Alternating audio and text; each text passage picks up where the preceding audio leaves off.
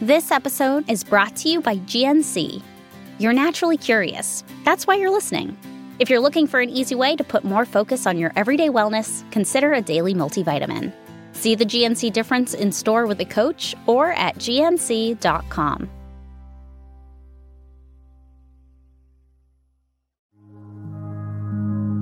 This episode is brought to you by the National Highway Traffic Safety Administration. When a train hits a vehicle at a railway crossing, the results are often fatal. Be cautious at crossings, and if the signals are going, don't be tempted to try and sneak across the tracks, even if you don't see a train. Stop. Trains can't. A message from NHTSA.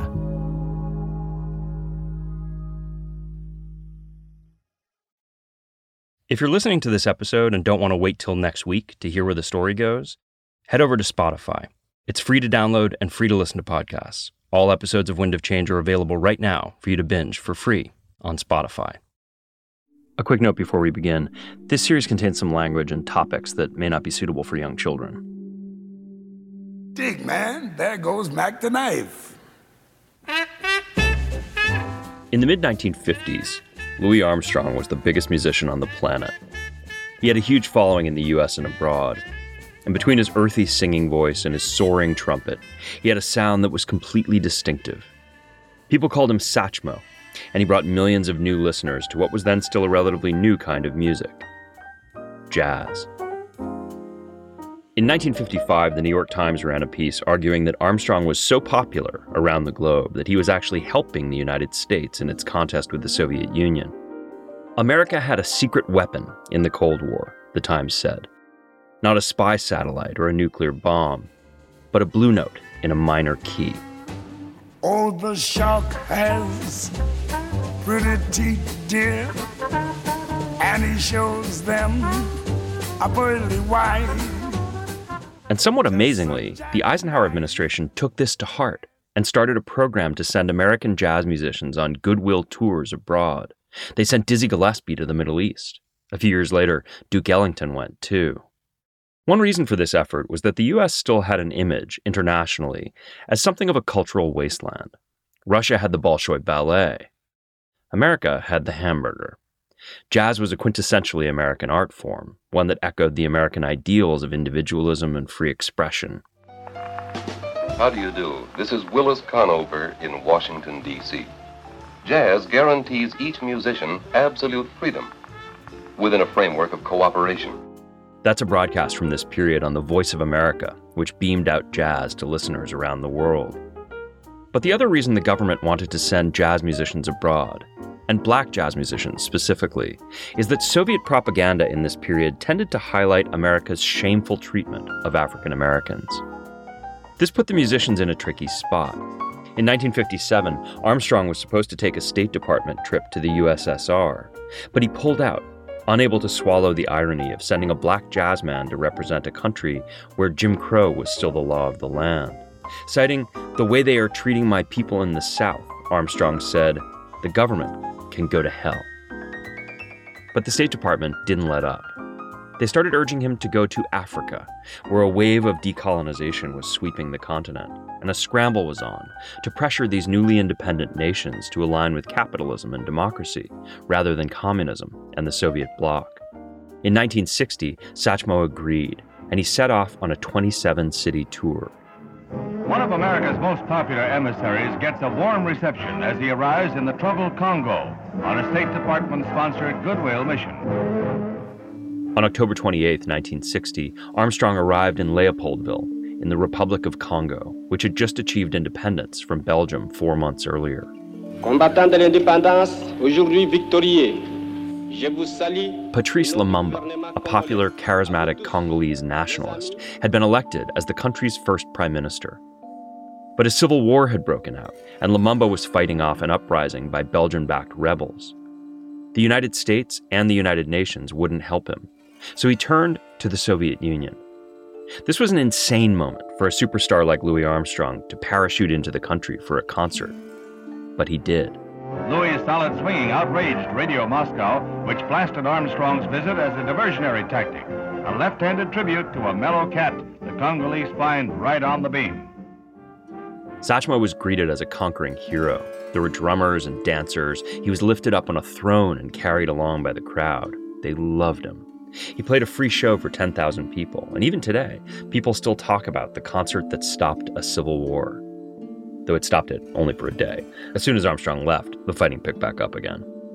For years afterward, Armstrong dealt with his role as a traveling pitchman for the United States with a sense of weary irony.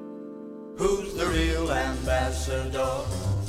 It is evident we represent American society, noted for its etiquette, its manners, and sobriety. He ended up performing in a musical about this cultural diplomacy effort, The Real Ambassadors. And you can hear Armstrong wrestling with this dilemma.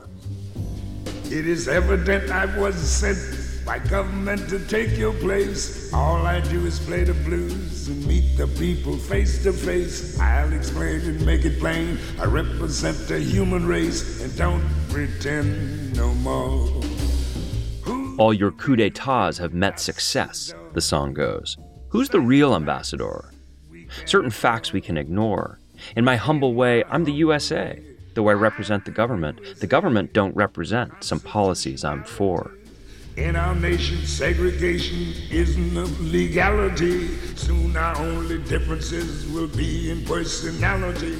That's what The United States is a wonderful country in many ways, and Armstrong knew it. But he also knew it can be a terrible country sometimes, too. Of course, there's nothing inherently nefarious in sending a musician on a tour abroad. But if our interests in a country like the Congo were significant enough to deploy Louis Armstrong, chances are he wasn't the only weapon we were deploying. And even Armstrong could not have imagined the degree to which that was true. Because less than four months after his concert in Congo, while he was still touring Africa in January 1961, the newly elected Prime Minister, Patrice Lumumba, was ousted from power and then murdered by a death squad. Lumumba was shot, then his body was hacked to pieces and dissolved in sulfuric acid in a coup d'etat that had been secretly engineered by the CIA.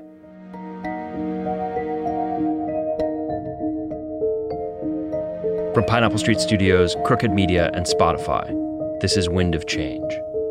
I'm Patrick Radden Keefe. Episode 3 America's Secret Weapon.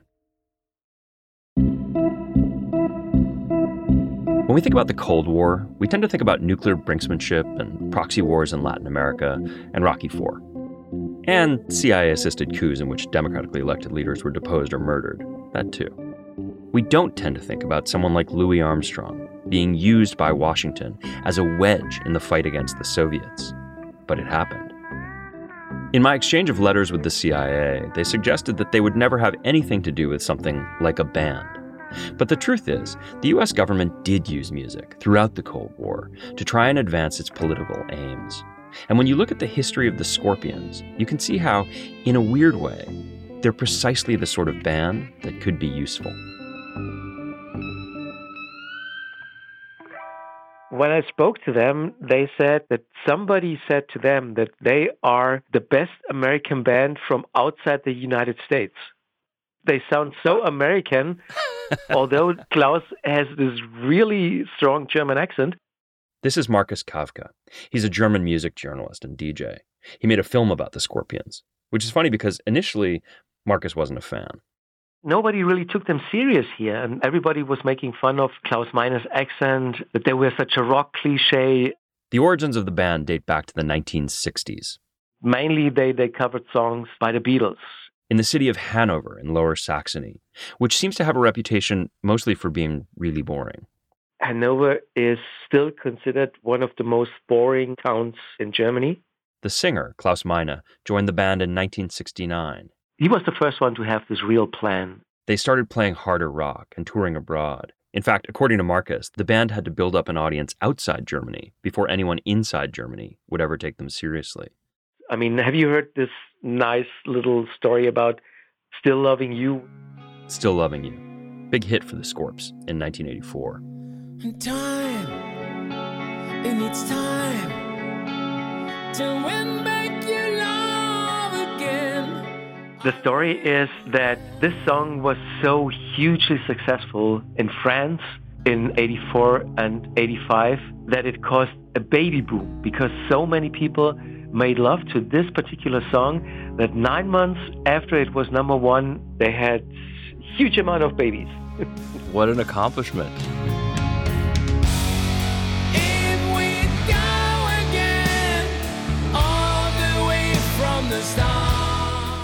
We tried to fact check this story without success.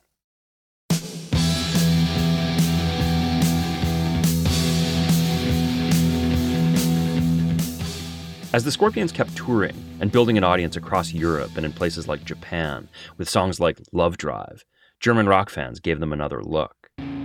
Now it's like they have achieved so much in foreign countries. Maybe they're not as bad as we thought in the first place. And here's where it gets interesting. In 1961, the communist government in East Germany had erected the Berlin Wall, a fortified boundary that cut through the heart of the city, forcibly separating the two Germanys. So the Scorpions lived in this divided country. They weren't allowed to play across the border in East Germany. They did lots of gigs in West Berlin, but they could never play East Berlin because the communist authorities wouldn't allow it. Their music was illegal there, but people were listening to it anyway.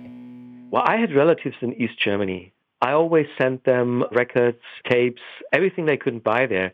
And then what happened was when I sent a tape to my cousin in Dresden, he would tell his friends and they would come over to his place and they would copy the tape at least 20 times. They sat there all night long. Oh, wow. 20 hours copying the tape and they would spread it to another 20 people. Then there's people coming from the countryside. Incredible. And then the same thing happens over and over. And also in the Soviet Union. Sometimes the tape underwent a journey from like two, 3,000 kilometers from Germany through Poland to the Soviet Union, to Russia. Klaus told me that when they first played in Russia, there were people singing along to their songs. They knew the lyrics by heart. That moved him like to tears. It's like, a, you know, we talk about virality on the internet today, right? But what you're describing is sort of the old fashioned version of that, right? It's, it's, hand, it's hand to hand. Yeah, right. Totally analog virality. Did you get the sense that the band was, I mean, would you call them political? You could not be not political if you were a musician whose music was also popular outside of Germany. Once that happens, you're political. And early on, they realized that they really have impact and influence when it comes to politics. It's not like their music was, the music itself was political, right? Not at all. It was very cliche hard rock music with very cliche lyrics women, motorbikes. Are you familiar with the lyrics of Rock You Like a Hurricane? The bitch is hungry, she needs to tell, so give her inches and feed her well. These were totally typical Scorpions lyrics in the 80s. So a song like Wind of Change came like a total surprise lyric wise and, and topic wise. It was, well, more or less the, the official hymn in Germany at that time for bringing East and West Germany together. This was nothing anybody expected to come from the Scorpions at that time.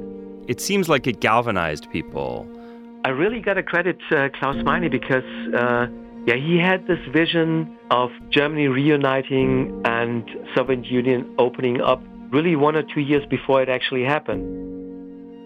Another weird thing about Wind of Change is that typically Klaus Meine didn't even write songs. Normally, Rudolf Schenker wrote the songs. Klaus contributed the lyrics, but in that case, he also came up with the melody and he came up with the whistling. So at this crucial political juncture, Klaus Meine, who doesn't usually write songs, comes up with this song, which is totally out of keeping with all the other songs the band has ever produced, and oh, just happens to anticipate the fall of the Berlin Wall and the collapse of the Soviet Union. It was especially Klaus that had the feeling that there's major changes going on in the world. The Cold War period is ending, and they thought that music could bring people together and you can like pressure politics and politicians with music. And Klaus was totally right. I'd say that Wind of Change is one of the most important songs in music history, not just for the band itself, but also for music altogether. And this is nothing you could ever take away from the scorpions.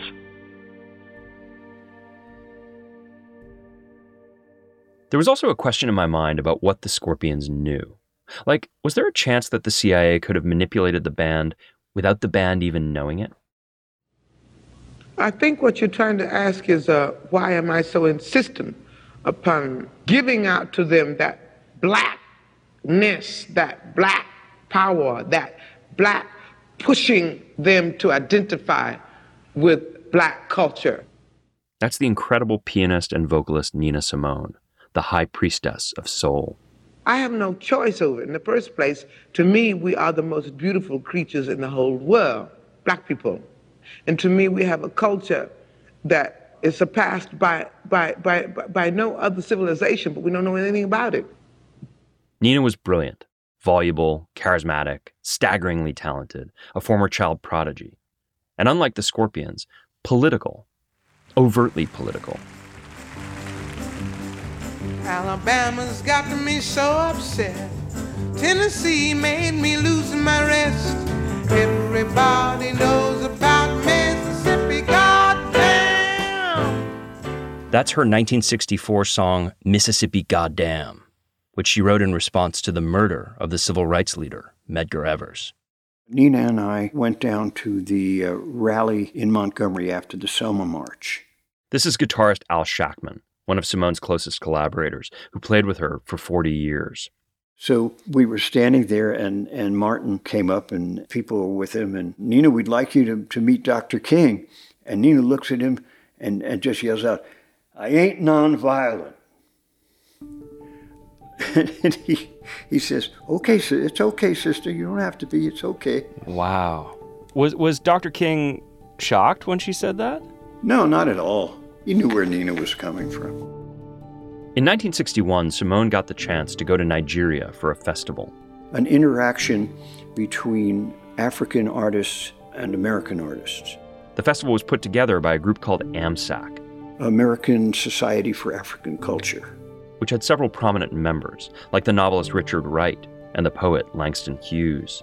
And we landed in Lagos in the middle of the jungle. I mean, to me, it was like a landing strip, and late, late at night, and uh, the doors open, and, and suddenly I could smell the jungle coming into the plane, and and then I heard the drums, and there was this massive sound of drums out there, and we all deplaned, and people were kissing the ground. We're home, we're home. You know, at last, at last. I'm actually looking at a photo of you and Nina and everyone else just a minute or two after you've disembarked. So you can see the plane. It's an Alitalia plane. Oh, wow. People have their instruments, and Nina's there. She's got a big grin on her face, and you're just behind her, looking over her shoulder. But it's an amazing shot with all these people dressed in suits, because that's the way people flew on planes back then, with their instruments and the flash bulb at night uh, as everybody gets off the plane.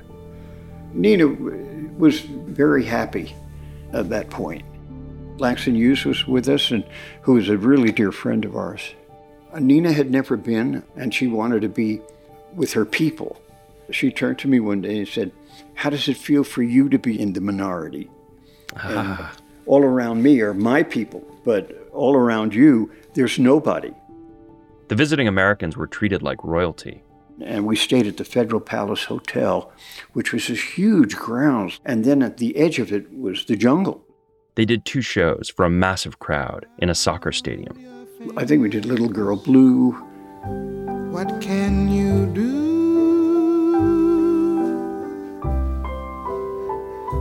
Little girl, you're through. Take the A train. I think we did African Mailman.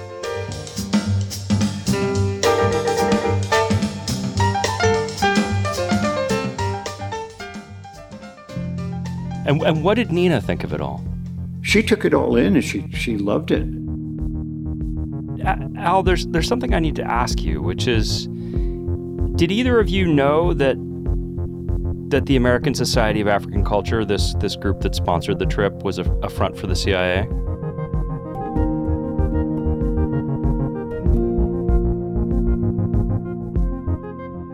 I was aware that the CIA had a front organization in the African American community um, known as the American Society of African Culture.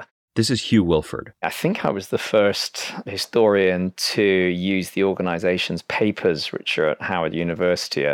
He's a professor at Cal State Long Beach, and he says AMSAC was definitely a CIA front. He interviewed former members of the group who took oaths of secrecy and met with CIA officers. Wilford was digging around through the AMSAC archives at Howard one day when he came across this file. There was a folder about this performing arts festival staged in uh, Lagos, Nigeria in 1961. And I'm sort of looking down the list of musicians who performed there, and they included Nina Simone. Wilford thinks that the CIA wanted her to go to Africa for the same reason the State Department sent Satchmo. It's about winning Africa over in the Cold War, making sure it doesn't go into the communist camp. But there's one really big difference. It's one thing for the government to pressure Louis Armstrong to go to Africa on a propaganda mission and have him grudgingly, but knowingly, go along. It's a very different thing to covertly send an artist on false pretenses. And Nina Simone was no patriot.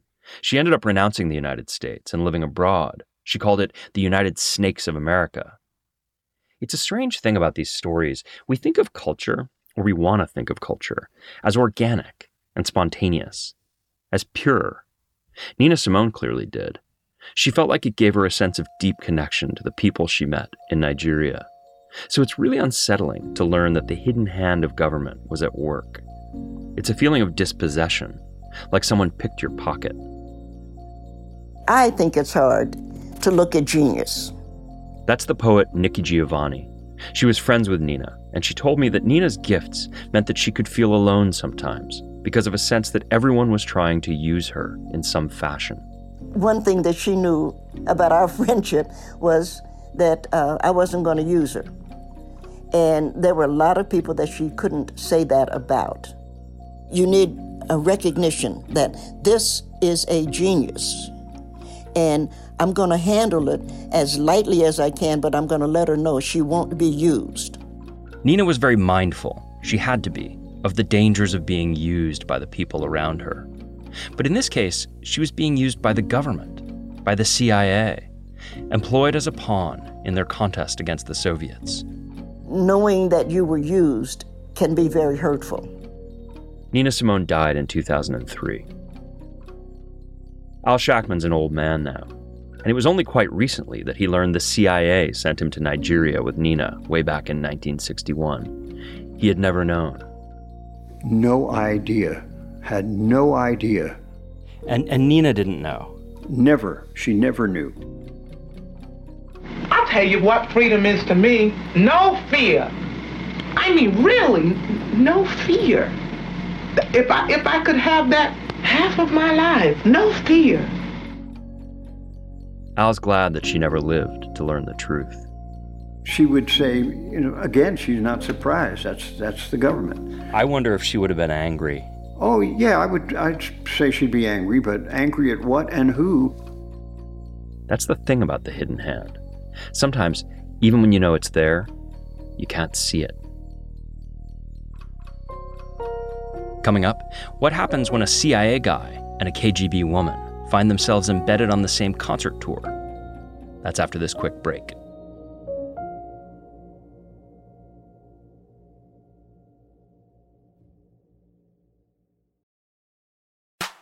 This episode is brought to you by Progressive. Progressive has you covered when it comes to car insurance, starting with built in savings, like discounts for being a safe driver. You can also save when you start your quote online or have multiple vehicles on your policy. In fact, drivers who switch and save with Progressive save over $750 on average. Start a quote online and see all the discounts for yourself. Visit progressive.com today. National annual average auto insurance savings by new customers surveyed in 2019. Potential savings will vary. Discounts vary and are not available in all states and situations. This episode is brought to you by GNC. Ever wonder how you can give your immune system a little something extra? Easy. Consider a daily multivitamin from GNC. It's a simple way to ensure you're filling nutritional gaps with additional vitamins and minerals. But not all multivitamins are the same. GNC Mega Men and GNC Women's Ultra Mega multivitamins support immune health and feature ingredients that support your unique goals. with 100% daily value of zinc, vitamin C, and vitamin D. Whether you're entering a new decade or just looking for more immune support, there's a GNC multivitamin for you. See the GNC difference in store with a coach or at gnc.com.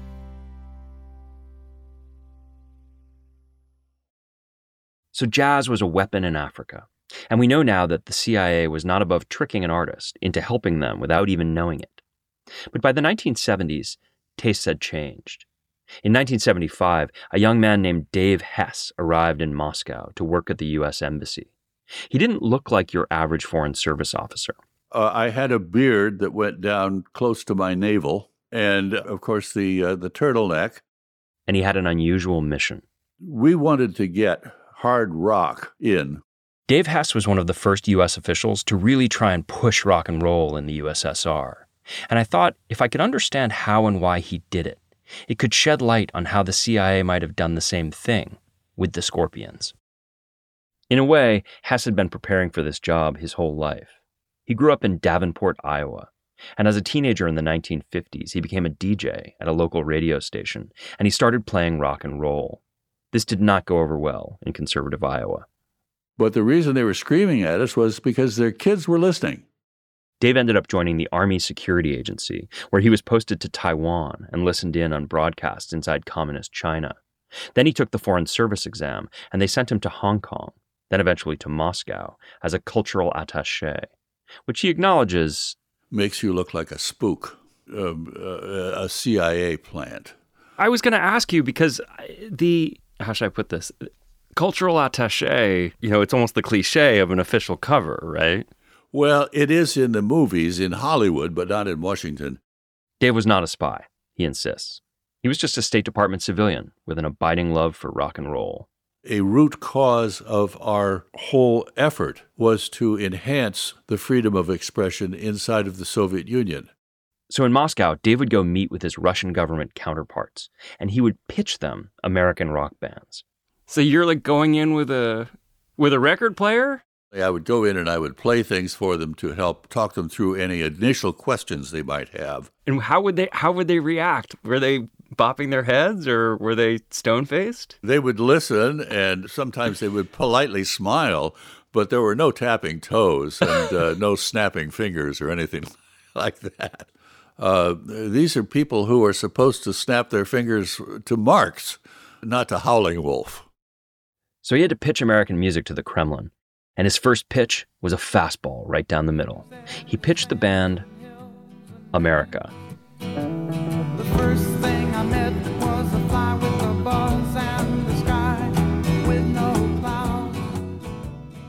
Despite the name, America actually struck Dave as pretty soft and non threatening. But they were rejected. So next, he pitched the Doobie Brothers. The Doobie Brothers, there is no mistaking these guys are hard rock. I mean, it was loud, it was passionate rock.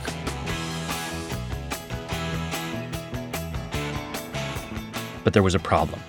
It turned out that one of the Doobie Brothers album covers, if you opened it up, had a racy photo of a bordello scene inside. So the Kremlin said, There's no way we're going to have the Doobie Brothers and their girls uh, here in the Soviet Union. So, bang, uh, strike two. Our third pitch uh, was the Nitty Gritty Dirt Band. I knew a man, Bojangles, and he danced for you.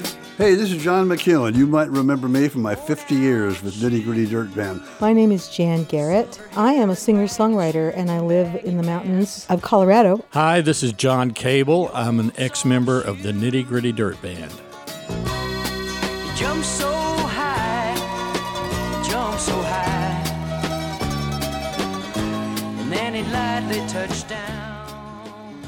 In late 76, we heard that the Russians might be interested in coming to a show.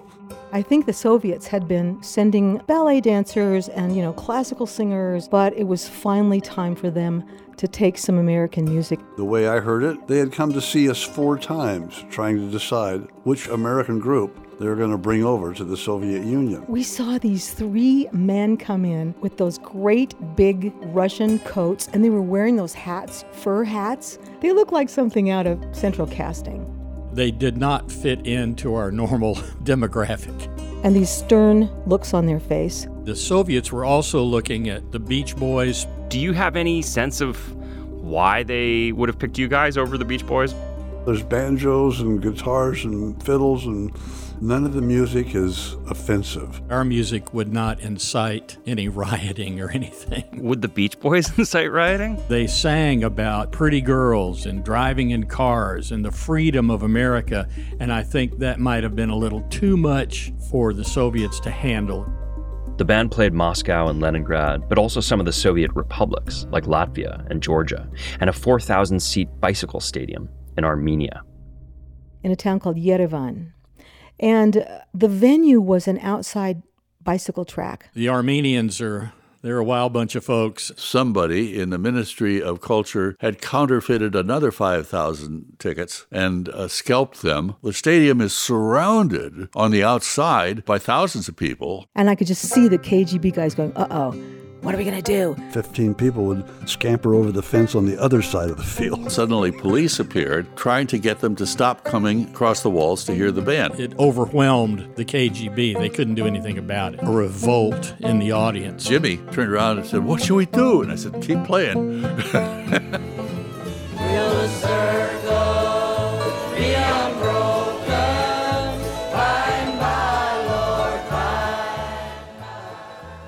You can see how, for the Kremlin, this is exactly the scenario they were worried about the kind of fun that can turn into a riot.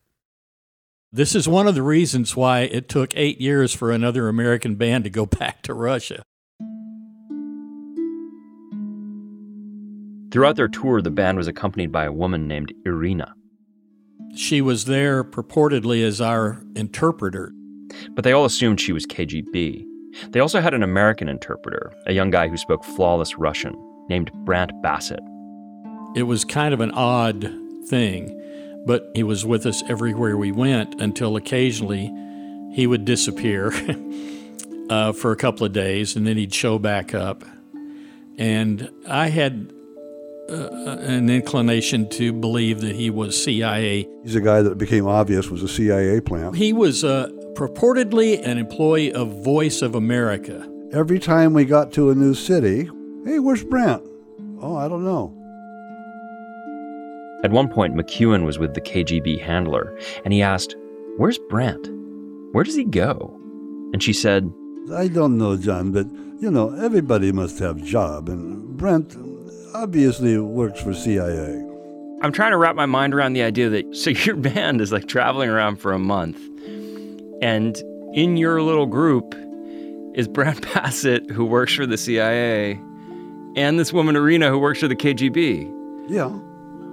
It's just funny to think of them traveling with the same band. Like Marina said, everybody must have job. The fact that the band was relying for this idea that Brant Bassett was a CIA handler on the expert advice of their KGB handler feels like grounds for skepticism. And when I asked Dave Hess, the State Department official who organized the trip, he remembered it differently. So you must have known Brant Bassett. Yeah, I knew Brent. What was his deal? Well, Brent was like a contractor. Uh, he's a, a, Russian language speaker, and he was a contractor, and he would come as a as a kind of an interpreter for the band. But he was so because in because the band has said that he was a CIA guy. Well, I, I it may have been that Brent wanted to be a CIA guy. We suspected it when he showed up with a long leather trench coat, black. Oh no, really? yeah. And the long black leather trench coat was kind of a tip off of where he was psychologically. also, at night he would say, I have some people to meet, and he would disappear. I don't know what he was doing, but everybody in the band said uh, Brent's with CIA. And of course, if Brent were with the CIA, he should have been fired because he looked like he was with the CIA. Makes sense, right? So maybe Bassett wasn't a spy. And when I looked up old press clippings about the Dirt Band tour, I couldn't even find any mention of Brant Bassett one way or the other. It was almost as if he didn't exist. But I did find a few clippings from much later, in 2006, which mentioned a Brant Bassett. They were newspaper articles about a scandal involving a corrupt ex congressman named Randy Duke Cunningham. And they said that Brant Bassett was linked to this scandal and identified him as an ex CIA officer who spoke Russian and German.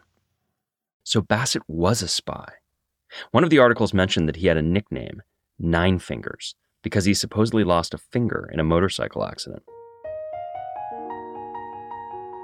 This guy, yeah, he was in the CIA. He was also, I think they called him Nine Fingers because Yes. he had lost. Is that the guy? That's the guy, Nine Fingers. That was Nine And he, Fingers. no, he really does have nine fingers. Holy crap. Okay. Holy crap is right. And did this mean that Dave Hess, nice, earnest Dave Hess from Davenport, Iowa, was maybe lying to me? Could he be covering for Brant? So you you think he might not have actually been in the CIA? See, because he because he there, there is a real guy, Brant Bassett, who who who actually was in the CIA. I mean, he's retired now, but he but he really was in the CIA.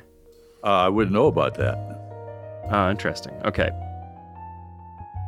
What I'm thinking at this point is if Bassett was an agency guy who worked in Russia and was fluent not just in Russian, but in German, and he was the guy with the ideological penetration by rock band portfolio, could Agent Nine Fingers have had some hand in Wind of Change? And assuming any of that might be true, how should we approach him? Bassett is retired now. He lives in Southern California. But I figured it was probably best not to come out and ask about the CIA in my initial overture. So we sent him a letter asking about his work on cultural exchanges with the Soviets. And he wrote back. It's a short letter. I have it here. He says the cultural exchanges he took part in, quote, probably had a bigger role in bringing the Cold War to a bloodless end than anyone realized. But also that he has no desire to do an interview.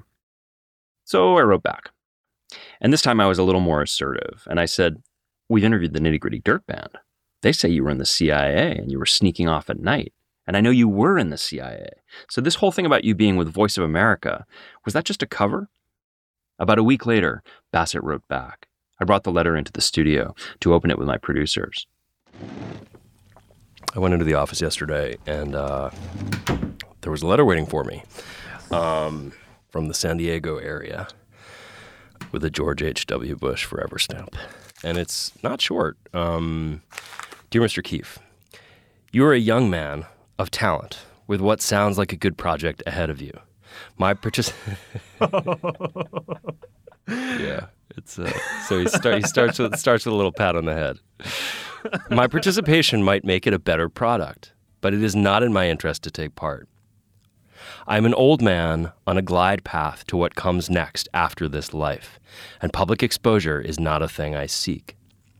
My contributions in the Cold War, first at Voice of America's Russian service and later as a CIA officer, are something I am very proud of. At Voice of America, I introduced our Soviet audience to American country music via my weekly radio show. In my CIA years, I recruited and handled agents in five languages, producing often great intelligence and getting no one killed.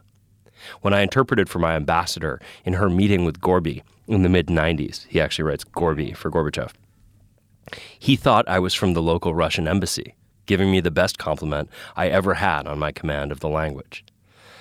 I have traveled to 74 countries and lived for years in several of them with my family. I have seen the elephant. I am done. I have a quiet, retired life with my dear wife of 48 years who has an incurable cancer. Each day is precious. All the years in that strange and stressful life undercover, all those memories, both good and bad, are like layers of sediment at the bottom of a lake. Some of them are toxic. Stirring them up does me no good at all. Let's let them continue to lie there quietly. Yeah, wow. That's pretty intense, What right? a response. But he goes on. All that said, and off my chest, I do want to answer your specific question about my affiliation in 1977, when the State Department borrowed me from Voice of America to serve as escort officer for the Nitty Gritty Dirt Band. I belonged to Voice of America then, and I would not have risked my Voice of America employment by having any contact with CIA. But later, in 1981, I joined CIA, wanting to continue my personal fight against communism, but on the front lines. I retired from CIA in 1999 when it had become a lethargic, paper pushing shell of its former self. As for 1977, I really enjoyed touring with the band and liked them very much. They are great fellows and good musicians, but they are not competent to make identifications of intelligence officers. Trust me on this. This is the sign off. It's a warm and sunny day here. My wife and I have a late afternoon swim in the pool, followed by a fresh cocktail enhanced by fruit from our own trees. I will raise a toast to you and to the band with hopes for your success. Sincerely, Brant Bassett. What a guy. Yeah. I mean, it's a huge bummer, but it's a hell of a letter. yeah. Do you know the parable about the blind men and the elephant? It's a story that dates back to ancient times and shows up in different religious traditions. A group of blind men are out walking one day when they come across an elephant. They don't know what to make of this massive creature, and they can't see it, so they each touch a different part of the animal. One of the men feels the elephant's trunk, another touches the sharp tusks, a third strokes its leathery skin. The story is a warning about the limits of human perception. Each monk has a clue about the great creature that stands invisible before them, but none of them can see the whole. I've seen the elephant, Brant Bassett told me. But me, I feel like one of those blind men, grasping at some great but nebulous truth that's just out of reach, trying to assemble the few clues I can touch into some coherent whole. And the funny thing about Brant Bassett, maybe he wasn't in the CIA when he was in Russia with the band. But if not, what was he doing when he disappeared in each new city? The members of the band were under the impression that he might have been coordinating with dissidents, or smuggling documents or information in or out. And that is the sort of thing that CIA officers would do. And we know that at times during the Cold War, it was helpful to have some kind of entourage you could move with as a cover. And this is where it gets really weird, because we found someone who said that when the Scorpions toured behind the Iron Curtain, that's exactly what the band was doing. Okay, dude, here's what he writes.